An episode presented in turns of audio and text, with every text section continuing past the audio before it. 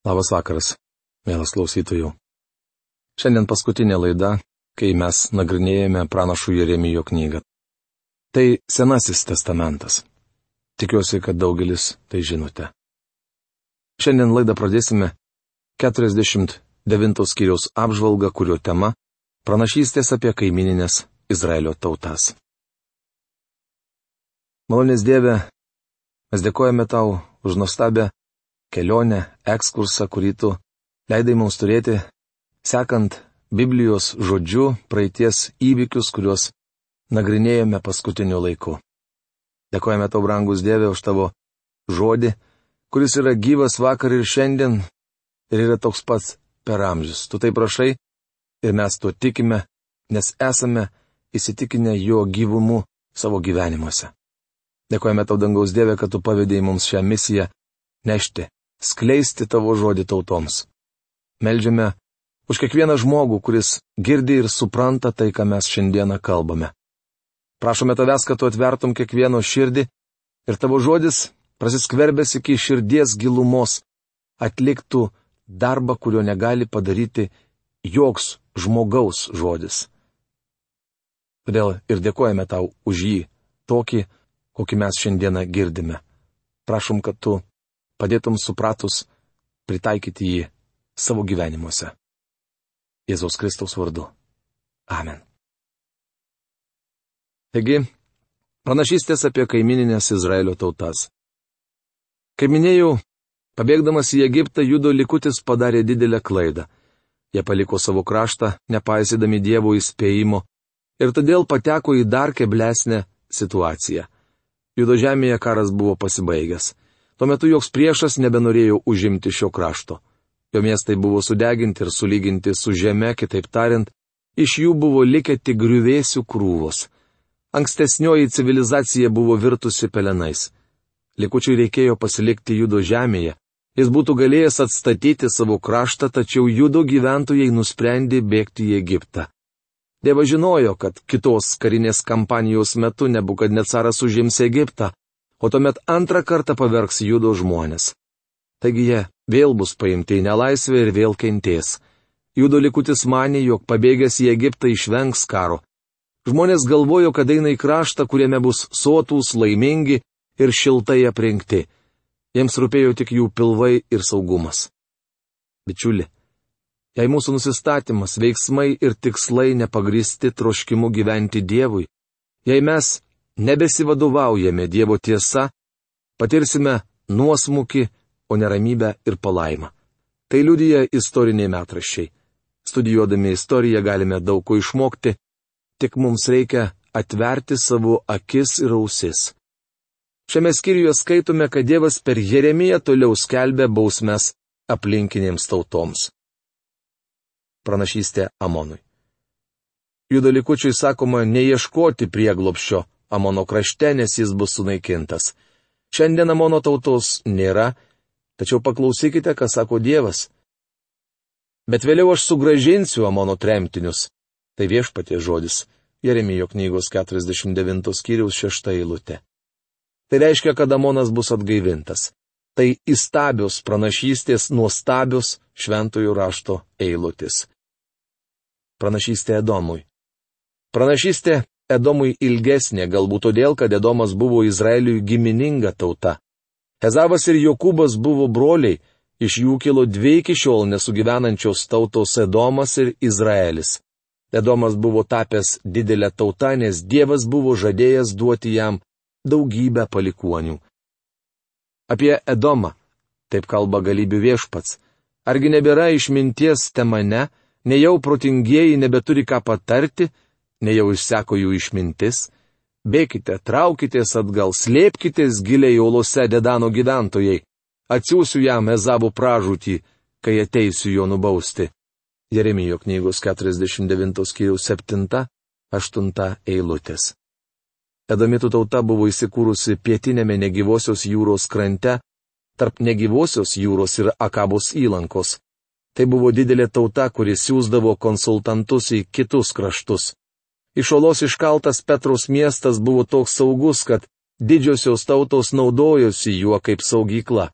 Į šią bankų sąskaitą pinigus buvo padėjęs tiek Babilonas, tiek Egiptas. Čia jie galėjo laikyti savo turtus ir žinoti, kad jie yra saugioje vietoje. Miestas buvo iškaltas iš uolos ir į jį galima buvo patekti tik pro vieną siaurą įėjimą. Tai buvo anu metų pažyba, tačiau Dievas pamynė Petros miesto didybę. Pagrindinis edomitų galybės garantas buvo aplinkinės tautos, kurias žavėjo saugus Petros miestas. Dargi pats savimi prisiekiau, tai viešpatie žodis Botsra taps siaubo reginiu ir pajokos daiktų, tyrais, keiksmažodžiu, o visi jos miestai amžinais grįvėsiais. Jeremijo knygos 49 skyriaus 13 eilutė. Botsra yra Petra ir Edomas. Šis miestas iš uolos tebe egzistuoja ir šiandien, tačiau yra visiškai apleistas. Jis pabaigtas, tai reikia jį įsikelti. Jei ieškote gyvenamosios vietos, galiu parekomenduoti jums Petrą, už būto nuomą nereikės mokėti nei cento.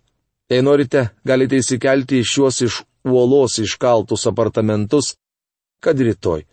Turiu pripažinti, kad jie iš tiesų gražus, o be to niekas neteis reikalauti iš jūsų nuomos mokesčio. Tačiau įspėju, kad neišbūsite ten ilgai. Žmonės, bandę apsigyventi Petroje, dėl vienos ar kitos priežasties netrukus palikdavo šį miestą. Vokiečiai bandė Petros miestą kolonizuoti. Ten buvo atsiusta grupė žmonių, tačiau netrukus jie visi išsisklaidė. Siaubas, kurį sukėliai, ir tavo įžuli širdis apgavo tave. Tave, gyvenančią uolos plyšiuose, įsikibusią į kalno viršūnę. Nors kaip erelis aukštai saulės da krauni, nulaipinsiu tave žemyn. Tai viešpatie žodis. Jeremijo knygos 49 skyriaus 16 eilutė. Dievas baudė edomitus už jų didybę, tai buvo jų pagrindinė nuodėmė. Jau minėjau, kad ši tauta buvo įsikūrusi nepaprastai saugioje vietoje. Į Petros miestą galima buvo patekti tik pro gilę ir siaurą maždaug pusantro kilometrų ilgio tarpukalnę, vadintą Siku. Tai buvo tarsi uolų tarpeklis vadimusa slėnyje. Tauta gyvavo apie tūkstantį metų, kol jos neužkariavo Nabatijos arabai. Graikai du kartus bandė užimti šį miestą, bet tik įsitikino, kad jis neįveikiamas. Šio laikiniam žmogui Petra pasiekiama tik lėktuvu. Man teko kelis kartus pabuvoti šiame mieste. Jis išties įspūdingas. Petros miesto architektūra ir kitos civilizacijos liekanos liudyja, kad Edomui įtaką darė Babilonas, Egiptas, Graikija ir Roma. Dievas baudė Edomą padarydamas galą jo didybei. Štai ką Dievas sako apie šią karalystę. Išsamesnę pranašystę skaitome Ezechielio knygoje. Edomas taps siaubo reginiu. Kiekvienas praeivis matydamas visas jo žaizdas baisėsis ir švilps. Kaip po Sodomos ir Gomoros, bei jų kaimininių miestų sunaikinimo, sako viešpats, nebebus ten jokio gyventojo, jok žmogus nebesikurs ten gyventi. Jeremijo knygos 49 skyriaus 17-18 eilutės. Ši pranašystė įsipildė pažodžiui. Petros miestas tebestūkso toje pačioje vietoje ir šiandien. Jis yra iškaltas iš uolos, dėl to nesunaikinamas. Tačiau Dievas sakė, kad jame niekas nebegyvens ir jo žodžiai išsipildė. Retkarčiais koks nors arabas įskleidžia toje vietoje palapinę nakčiai, tačiau kitą dieną vėl leidžiasi į kelią. Galbūt sakysite, kad arabai labai prietaringi, tačiau neprietaringiems vokiečiams taip pat nepavyko šio miesto apgyvendinti. Dievo žodėje pasakyta, kad jok žmogus nebesikurs ten gyventi. Nors miestas paruoštas gyventi žmonės jame neįsikurs. Labai įdomu palyginti šią pranašystę su pranašystė apie tyrą. Dievas buvo sakęs, kad visiškai nušluos tyrą nuo žemės paviršiaus, bet vėliau jis bus atstatytas ir apgyvendintas. Šiandien tyras yra gyvenamas miestas. Petra, priešingai, niekada nebuvo sunaikinta, tačiau liko negyvenama vieta. Todėl klausykitės apie viešpaties užmojį, kaip jis užsimojo prieš Edomą, ką nusprendė dėl temano gyventojų. Ak tikrai jie išvarys net kaiminės mažilius, net jų pačių avidė apstulps dėl jų likimo. Jeremijo knygos 49 skyriaus 20 eilutė. Kaip jau minėjau, miestas buvo apleistas, o Edomo tauta išnyko. Pranašystė Damaskui. Apie Damaską. Hamatas ir Arpadas priblokšti, nes juos pasiekė bloga žinia. Jie blaškosi, tirpdami iš baimės, kaip negalinti nurimti jūrą. Damaskas nusilpo, apsigrėžė bėgti, jį apėmė siaubas. Jį pagavo nerimas ir skausmai kaip gimdančią moterį. Jeremijo knygos 49 skyriaus 23-24 eilutės. Sakoma, kad Damaskas yra seniausias gyvenamas miestas. Į šį titulą pretenduoja ir daugelis kitų miestų, tačiau manyčiau, kad Damaskas turi išskirtinę teisę. Čia apie šį miestą sakoma, jog jis bus sunaikintas. Kaip žinome, Damaskas nekarta buvo naikintas ir jo vieta keitėsi. Nepaisant visko, Damasko vardas išliko ir šiandien šis miestas yra Sirijos sostinė. Pranašystės Kedarui, Hatsorui, Elamui. Toliau skaitome pranašystę dviem labai turtingiems miestams Kedarui ir Hatsorui. Apie juos žinome labai nedaug. Dievas sako, kad nebukad necaras nugalės šias karalystės. Iš istorijos žinome, kad taip ir atsitiko. Galiausiai užrašyta pranašystė Elamui. Taip kalba galybių viešpats, tikėk manimi, sulaužysiu Elamo lanką jų galybės pagrindą. Jeremijo knygos 49 skyriaus 35 eilutė. 39 eilutėje rašoma, kad Elamas bus sunaikintas, tačiau dienų pabaigoje Dievas sugražins jį. Pranašas Jeremijas skelbė, kad visas šias tautas ištiks Izraelio likimas, tad judo likutis ieškodamas prieglopščio neturėjo kur bėgti jiems niekas negalėjo padėti. Judo žmonės žvalgėsi visas puses, tik nepakėlė akių į viršų. Viešpats buvo vienintelė jų viltis, tačiau jie nesigrėžė į jį. Dievas davė savo tautai nurodymus, bet jie jų nepaisė. Žinoma, judo likutis nusprendė eiti į Egiptą, bet ten jų laukė visiškas sunaikinimas. Jeremijo knygos 50 ir 51 skyriai. Tema pranašystė Babilonui. Šiame skyriuje skaitome pranašystę galingiausiai nuo metų tautai. Babilonas buvo pirmoji pasaulio imperija, tačiau jo taip pat laukė sunaikinimas. Pranašas skelbė, kad šią karalystę ištiks Dievo bausmė. Viešpatė žodis Babilonui chaldėjų kraštui per pranašą Jeremiją. Praneškite ir paskelbkite tautoms, iškelkite ženklą, paskelbkite, neslėpkite, bet sakykite, Babilonas paimtas, Belis sugėdintas, Merodachas sudaužytas, Babilono dievų statulos sugėdintos sudaužyti jo stabai. Jeremijo knygos 50 skyriaus 1-2 eilutis. Kai Jeremijas skelbė šios žodžius, atrodė, kad Izraelio tauta išnyks visiems laikams, o Babilonas ir toliau bus pasaulio imperija. Tačiau Dievas sako, jog Babilonas bus sunaikintas. Tomis dienomis ir tuo metu, tai viešpatie žodis, Izraelio tauta draugė su judo tauta ateis ir verkdamėjais ieškoti viešpaties savo dievo. Jeremijo knygos 50 skyriaus ketvirta eilutė. Dievas sako, kad Izraelis išliks. Šioje pranašystėje kalbama apie paskutinės dienas, kuomet Izraelis atsigręš į Dievą. Dievas žada nubausti Babiloną, jį užims medai persai. Štai sukelsiu ir atvesiu prieš Babiloną būrį galingų tautų iš šiaurės krašto. Jos išsirikiuos mūšiui ir jis bus paimtas. Jų strėlės kaip įgudusio galiūno, kuris niekada negrįžta tuščiomis rankomis. Jeremijo knygos 50 skyriaus 9 eilutė. Iš istorijos žinome, kad Gobrijas Babiloną paėmė gudrumu. Dėl viešpaties pykčio Babilonas taps negyvenamas ir visas virs tyrais, Kas tik eis pro Babiloną, tas baisėsis, neteks žado pamatęs jo žaizdas. Jeremijo knygos 50 skyriaus 13 eilutė. Kiekvienas turistas aplankęs senojo Babilono griuvėsius gali įsitikinti, kad šį eilutę išsipildė pažodžiui.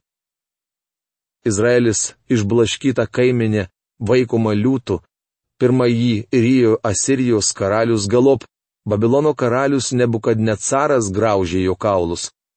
Todėl taip kalba galybių viešpats Izraelio Dievas, tikėk manimi.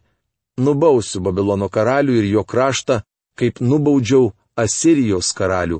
Jeremijo knygos 50 skyriaus 17-18 eilutės. Babilonas sunaikinimas užklups taiga ir netikėtai. Tu savo pačiam pasistatėjai pastus ir buvai pagautas Babilone, bet tu nesuvokiai. Tu buvai pastebėtas ir pagautas, nes drįsai mesti iššūkį viešpačiui.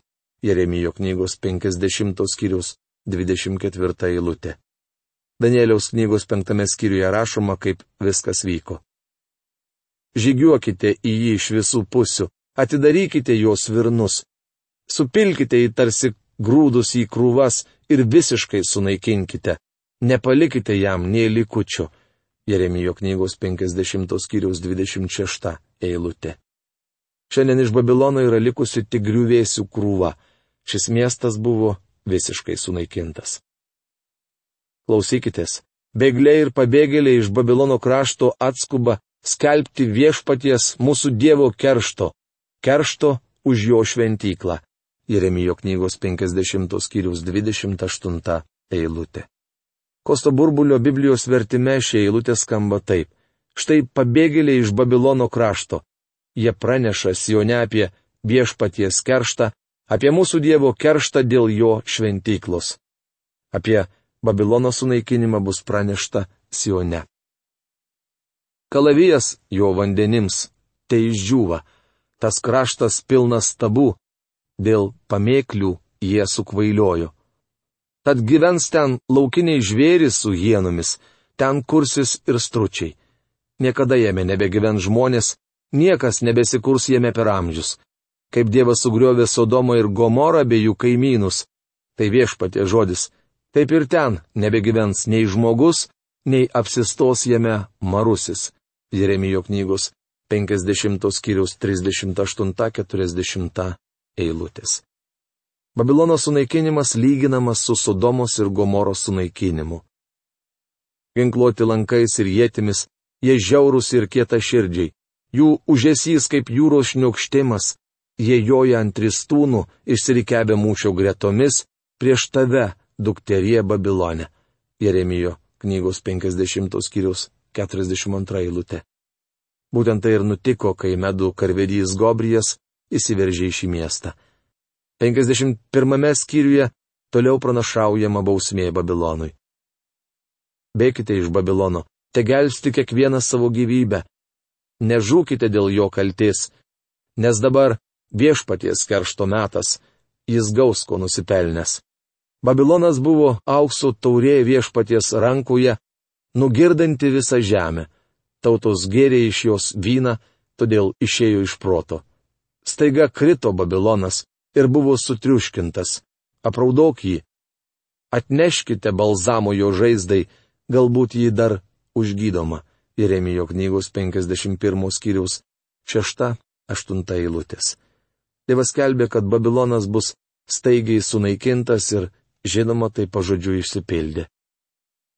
Tikėk manimi, aš prieš tave niokotojų kalne, visos žemės niokotojau, tai viešpatė žodis.